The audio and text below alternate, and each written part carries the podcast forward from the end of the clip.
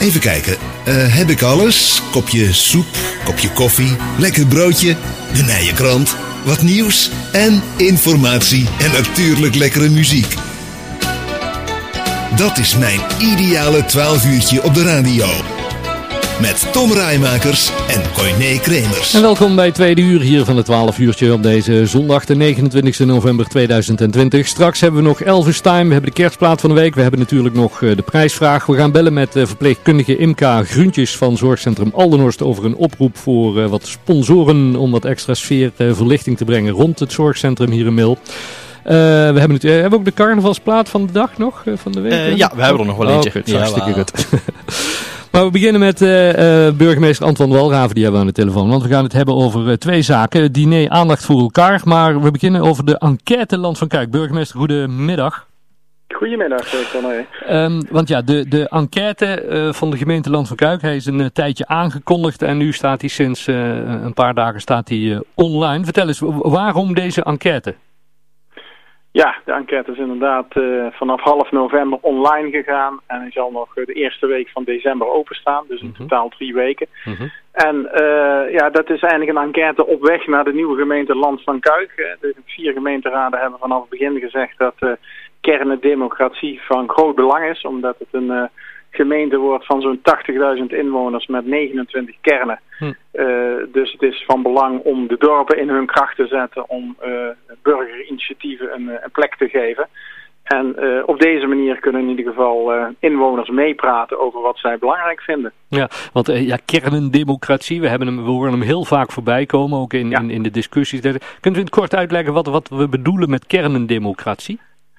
Ja, dat het is inderdaad een ingewikkeld uh, woord. Nou ja, eigenlijk gaat het erover, ik zeg het net al, de dorpen in de kracht zetten. Uh, bewonersparticipatie. Hè? Dus hoe betrek je uh, bewoners bij beleidsvorming? -huh. Of, nou ja, ik kom uit Langeboom zoals je weet. Ja. daar is het dorp zelf van start gegaan met een plan. Hè? Dus helemaal vernieuwend. Ja. En hoe geef je daar als gemeente daar, daar de ruimte voor?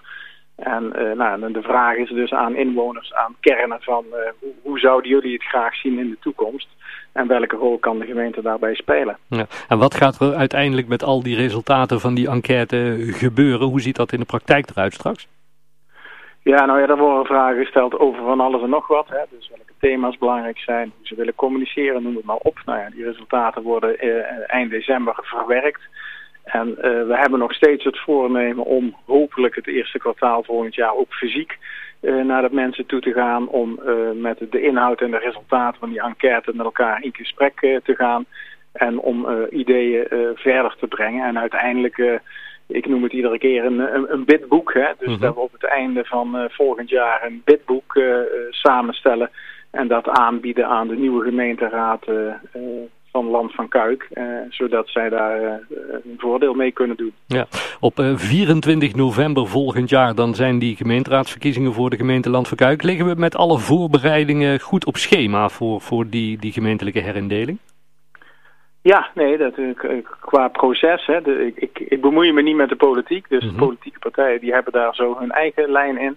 Uh, maar qua proces uh, lopen we prima op schema. Het is uh, in Den Haag wordt het op korte termijn in de Tweede Kamer behandeld. En voor de zomer zal daar een besluit over vallen in de Eerste Kamer. Dus dat loopt goed. We zijn ook al bezig met de voorbereidingen voor de verkiezingen. Dus daar hebben we in de stuurgroep, die is samengesteld vanuit de vier gemeentes, al een presentatie over gekregen en een toelichting.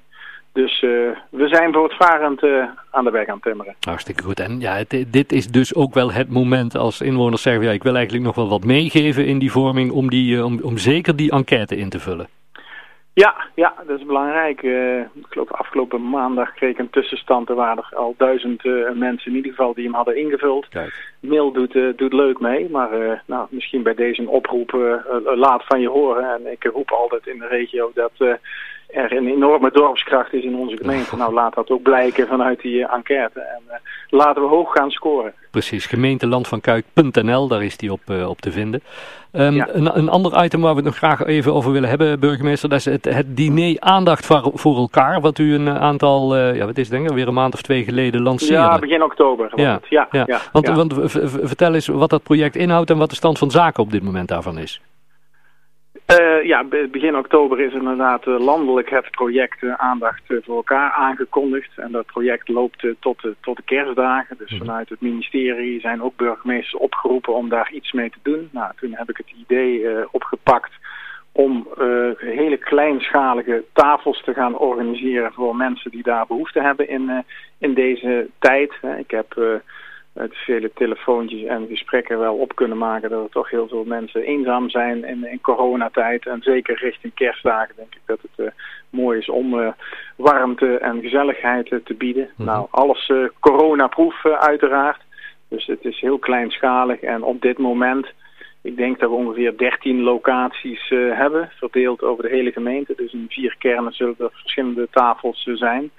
En nou, ontdekmail, uh, de voorzitter uh, Bart uh, doet Mhm. goed zijn best. En van de andere kant Guus Fontijn die weer zorgt voor de mensen die aan tafel gaan schuiven. Daar zijn toch, en verder werken er heel veel mensen Ja. mee, maar die twee die zijn op dit moment heel hard aan het werk.